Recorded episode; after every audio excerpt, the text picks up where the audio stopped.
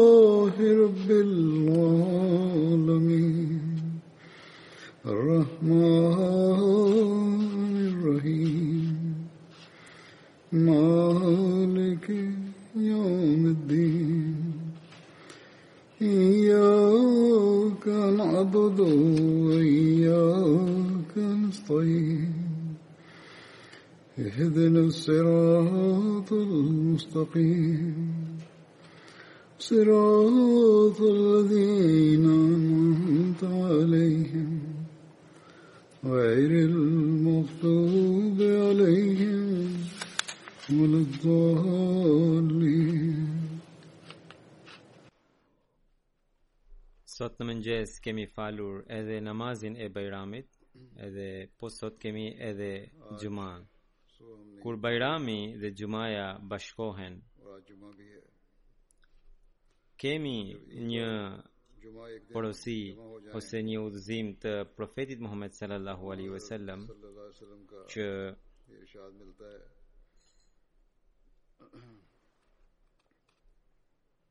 ata që dëshirojnë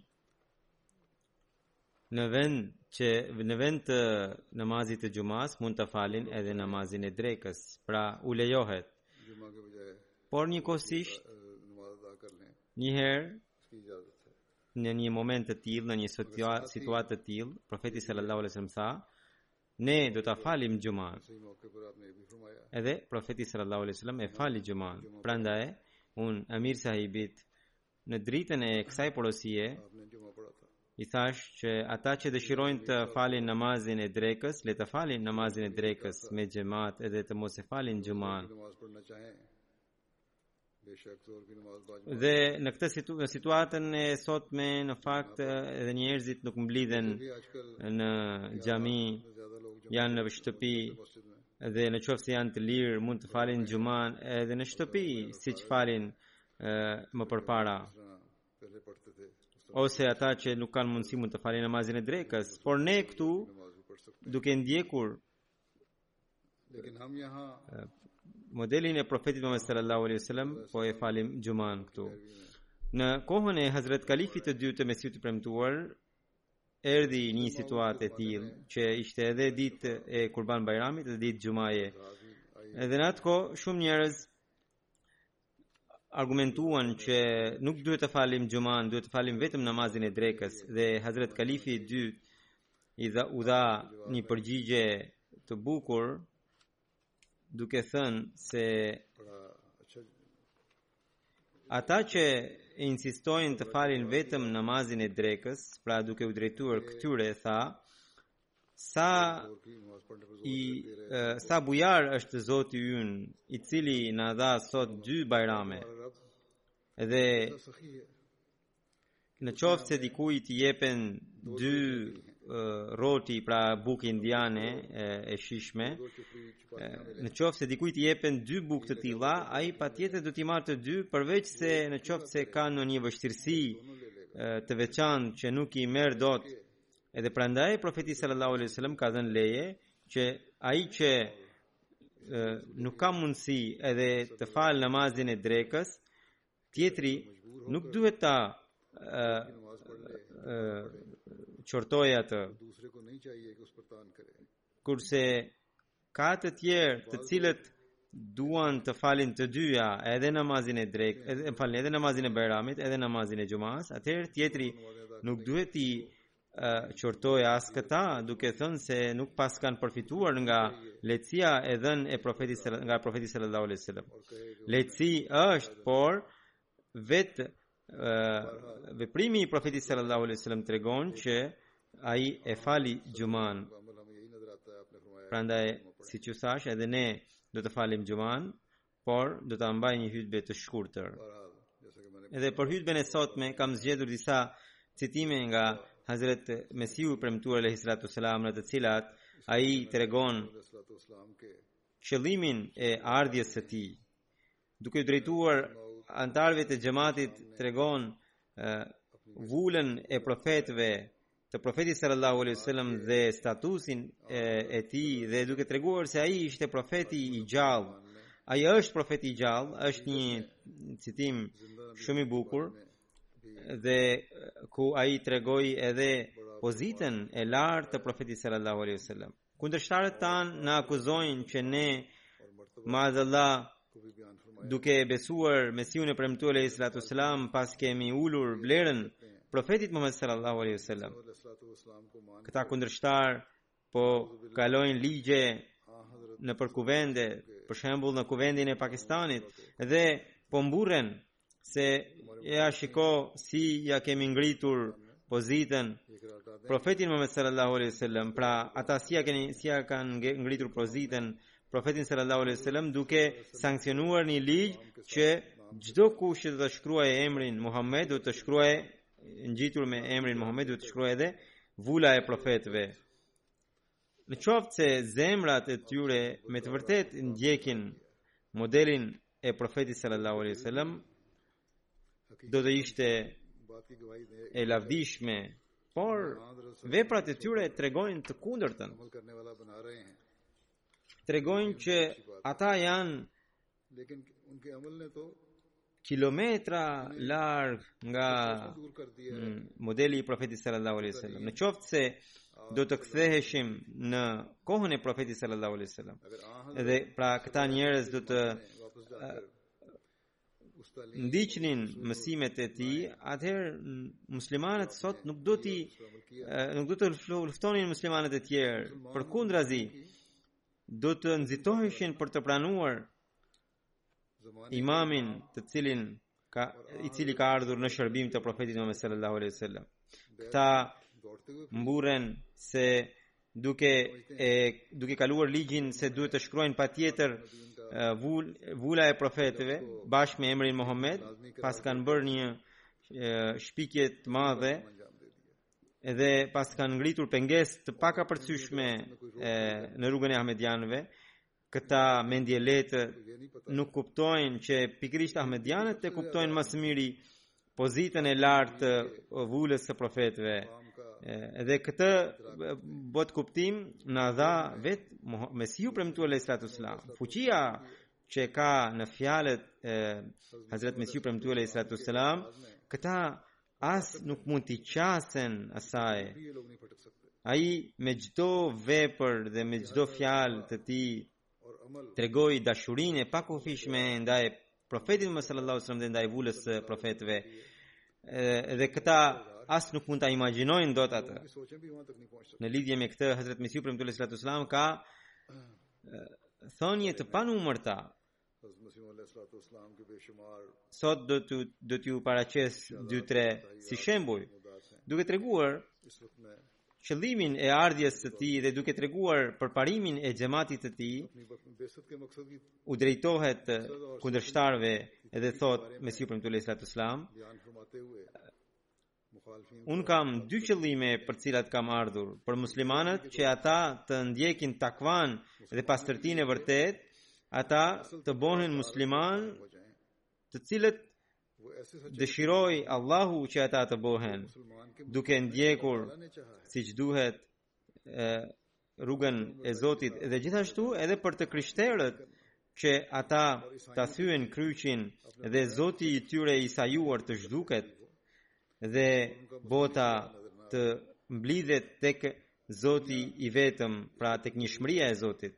Dhe këta më kundërshtojnë duke parë pikërisht këto dy qëllime, ata duhet të dinë se një punë që niset nga hipokrizia ose nga papastërtia e kësaj bote, ajo vetvetiu do të shkatërrohet. Pra, Mesihu i Premtuar alejhi selam thotë që në qoftë se unë kam në zemër ndonjë hipokrizi, ndonjë papastërti, nuk do të kem fare bekim prej Zotit, madje, së shpejti do të shkatërrohem, thotë Mesihu i Premtuar alejhi selam. Thotë Mesihu i Premtuar alejhi selam, vallë, a fiton ndonjëherë gënjeshtari,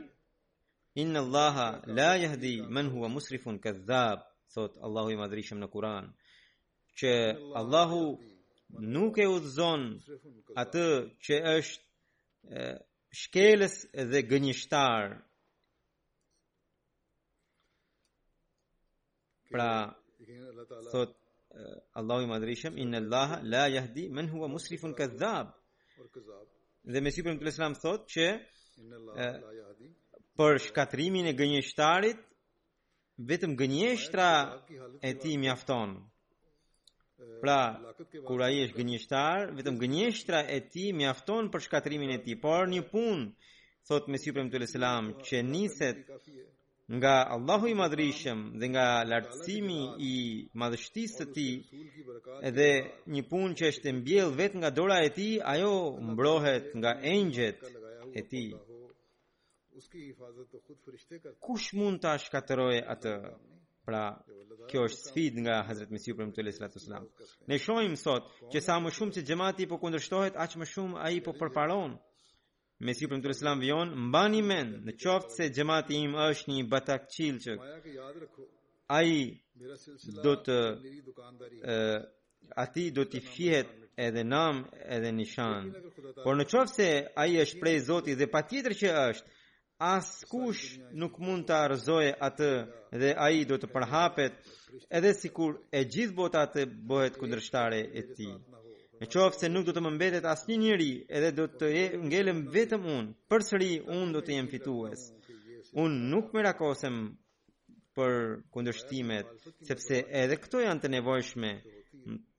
Nuk ndodhi asnjëherë që ndonjë i dërguar apo ndonjë i caktuar i Zotit të ketë ardhur në botë dhe bota ta ketë pranuar atë heshturazi. Sado i pastër të jetë njeriu, në botë ka njerëz që e qortojnë dhe e akuzojnë. Është bekimi i Allahut të Madhërishëm që përparimi i xhamatit tonë po bëhet në mënyrë të jashtëzakonshme. Sot shohim që xhamati ynë po është përhapur në më shumë se 200 vende të botës. Pra në kaq shumë vende ka njerëz të sinqertë që kanë pranuar, që kanë bërë bejt bejtin e Hazrat Mesihut të premtuar alejhi salatu selam. Në atë kohë kur Mesihu i premtuar alejhi selam thoshte, ishin disa qindra mijëra ahmedian, por sot po kaq po antarësohen në xhamat brenda një viti. Dhe Mesihu i premtuar alejhi selam thotë që ky është qëllimi i themelimit të këtij xhamati që njerëzit të dalin nga papastërtia e kësaj bote, të përvetësojnë dëlirësinë edhe t'u përngjajnë engjëjve. Tani është detyra jonë që ne të plotësojmë pritshmërinë e Hazret Mesihut të Premtuar Alaihi Salatu Sallam dhe kjo pikërisht është metoda më e mirë për t'ia mbyllur gojën kundërshtarit dhe për ta mundur atë. Duke treguar besimin e palëkundur të xhamatit të tij dhe bindjen e vërtetë ndaj Profetit Muhammed sallallahu alaihi wasallam, Hazret Mesihu i premtuar alejhisalatu uesselam deklaron Sinqerisht ju them të vërtetën, duke u betuar në Allahun e lartësuar, që unë dhe xhemati im jemi muslimanë, dhe ne besojmë në profetin Muhammed sallallahu alaihi wasallam dhe në Kur'anin e shenjtë Ashtu siç një musliman i sinqertë duhet të besojë. Besoj me bindje që largimi qoftë një hap nga islami e shkatërron njeriun. Besimi im është që sado bekime që një njeri mund të arrijë dhe sado afrimi me Zotin mund të gëzojë, e gëzon vetëm duke pasur bindje të sinqertë dhe dashuri të përsosur ndaj profetit Muhammed sallallahu alaihi wasallam. Tanimë nuk ka asnjë rrugë mirësie përveç rrugës së profetit Muhammed sallallahu alaihi wasallam.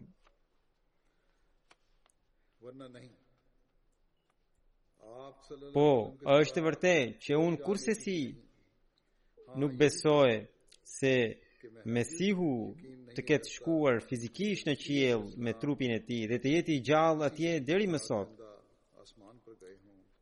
sepse një besim i tillë është fyerje dhe poshtërim ndaj profetit Muhammed sallallahu alaihi wasallam. Unë nuk mund të pranoj qoftë për një çast të vetëm një qëndrim të tillë. Të gjithë e dinë se i dërguari i Allahut sallallahu alaihi wasallam ndërroi jetë në moshën 63 vjeçare dhe varri i tij gjendet në Medinën e ndritur. Qindra mijëra haxhinj shkojnë atje vit për vit.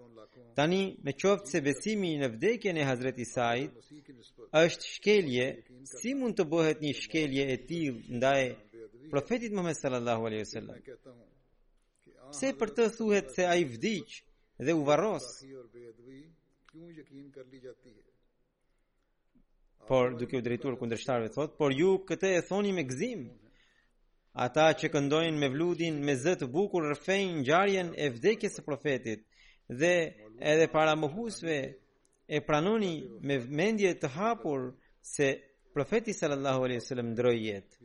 Atëherë nuk e kuptoj se pse ngrysni fytyrën dhe nxirrni sytë për vdekjen e Hazret Isait alayhis salatu wassalam edhe sot në fakt disa sekte dhe hoxhallar që bëjnë zhurmë të madhe kundër vdekjes së Hazret Isait alayhis salam kur ne themi një gjë të tillë kurse ka nga ata të cilët e mohojnë kategorikisht ardhjen e dytë të Hazret Isait por këta akoma janë duke pritur Mesihu i Premtuar vijon, nuk do të hidhëroheshim nëse do të shfaqnit gjithë këtë kundërshtim edhe ndaj vdekjes së profetit Muhammed sallallahu alaihi wasallam, por me keqardhje ju e pranoni me plot zemër vdekjen e vulës së profetëve të udhëheqësit të, të dy botëve, kurse atë që e quan veten jo të denjë, qoftë për të lidhur lidhëzën e profetit sallallahu alaihi wasallam e besoni të gjallë.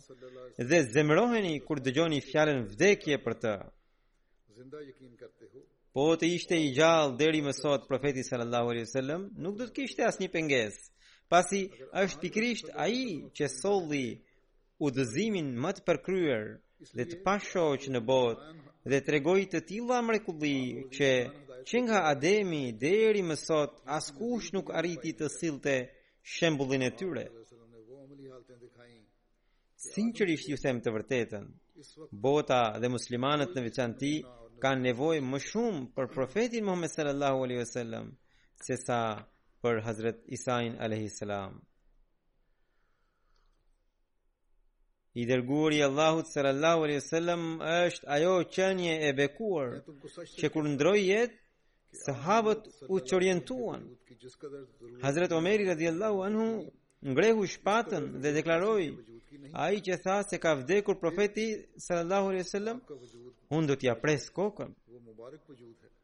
Në këtë situatë kaotike, Allahu i Madhërishëm i dha Hazrat Abu Bekrit një dritë dhe pal, një dritë dhe largpamësi të veçantë. Ai i mblodhi të gjithë dhe mori fjalën. Ndër të tjera u lexoi edhe ajetin "Wa ma Muhammadun illa rasul" Qad khalat min qablihi ar-rusul. Muhamedi është vetëm një i dërguar, dhe të gjithë të dërguarit para tij kanë vdekur. Tani mendoni vetë dhe më thoni se Hazret Ebu Bekri radiallahu anhu pse e lexoi pikërisht këtë ajet ditën e vdekjes së profetit sallallahu alaihi wasallam dhe cili ishte qëllimi i tij dhe çfarë dëshironte t'u mësonte sahabëve të tjerë. Aq më tepër në një kohë kur të gjithë sahabët ishin mbledhur bashkë. Unë besoj fort dhe Nuk ju dhe ju nuk mund të më kundërshtoni dot që sahabët kishin pësuar tronditje të madhe nga vdekja e profetit sallallahu alaihi wasallam dhe e konsideronin parakohe. Ata nuk donin as të dëgjonin lajmin e vdekjes së tij. Situata ishte kaq ekstreme, saqë edhe një sahabi i shquar sikur Hazrat Omeri radhiyallahu anhu nuk arrinte ta kishte veten nën kontroll dhe vetëm ky ajet do ta qetësonte dot atë. Këta sahabë po të kishin ditur se Hazrat Isa alayhis salam të ishte ende i gjallë, ata do të vdisnin për së gjalli. Ata ishin marrëzish të dashuruar me profetin Muhammed sallallahu alaihi wasallam dhe nuk donin jetën e askujt përveç jetës së tij. Atëherë, si ishte e mundur që ata të shihnin përpara syve profetin sallallahu alaihi wasallam të vdekur e Hazreti Isain alaihi salam të besonin të gjallë? Sepse vetëm pasi ua lexoi Hazrat Abu Bekri radiallahu anhu këtë ajet, ata e kuptuan vdekjen e profetit sallallahu alaihi wasallam.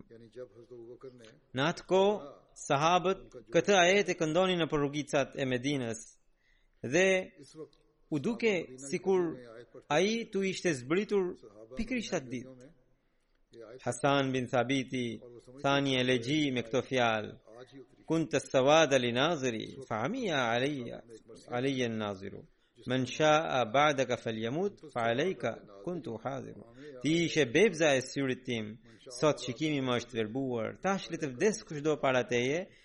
nga vdekja jote isha frikësuar.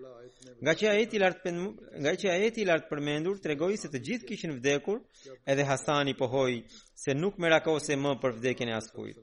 Mbani mend, sahabët kurrsesi nuk mund të besonin dhe nuk mund të duronin ndonjë profet tjetër të gjallë e profetin Muhammed sallallahu alaihi wasallam të vdekur. Në këtë mënyrë, ditën e vdekjes së profetit sallallahu alaihi wasallam ky ishte konsensusi i parë i sahabëve të tij. që ndodhi në botë dhe ky konsensus dha vendimin e prerë edhe të vdekjes së Hazrat Isait alayhis salam. Pastaj duke treguar pozitën e lartë të Profetit sallallahu alaihi wasallam, Hazrat Imam Mehdiu alayhis salam pohon, ai njeri i cili nëpërmjet qenies së tij, atributeve të tij, veprave të tij, forcave të tij të pastra shpirtërore, tregoi modelin e tij të përsosur në mënyrë sa të fuqishme, aq edhe besnike, dhe u quajt njeriu i përsosur, pa lënë të mangët asnjë aspekt. Ai ishte i përsosur edhe në dije, edhe në vepra, edhe sipas kriterit të vërtetësisë, edhe sipas kriterit të qëndrueshmërisë. Atëherë ai u cilësua si njeri i përsosur. E pikërisht ky njeri i përsosur, profeti i përsosur që erdhi me bekime të plota, shkaktoi ripërtëritjen shpirtërore dhe kështu në dorën e tij u shfaq kiameti i parë në botë, sepse një botë e tërë e vdekur u ringjall me ardhjen e tij. Ky profet i bekuar, vula e të gjithë profetëve, prijësi i të dëlirëve, Vula e të dërguarve, krenaria e gjithë pejgamberve është Muhammed Mustafai sallallahu aleyhi ve sellem. O Zot i dashur, dërgoji këtij profeti të dashur salavatet dhe mëshirën që nuk ia ke dërguar askujt tjetër qysh prej fillimit të kësaj dynjaje. Po të mos vinte ky profet madhështor në botë, nuk do të kishim asnjë argument për vërtetësinë e profetëve të vegjël, siç ishin Junusi, Ejubi, Isai biri i Merjemes, Malakia, Jahja, Zakaria, e të tjera, ndonëse që të gjithë ishin të dashurit e Zotit.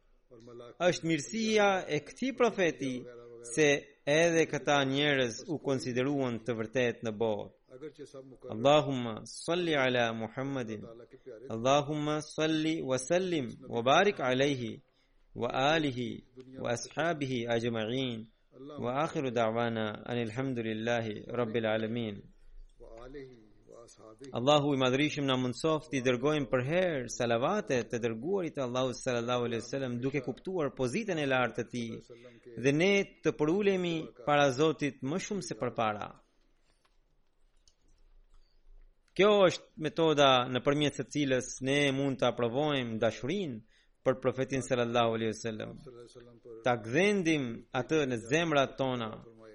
Atëherë do të arrijmë t'u kthejmë përgjigjen e merituar edhe kundërshtarëve. Pra, veprat tona vetëvetiu do t'i kundërpërgjigjen kundërshtimit të kundërshtarëve.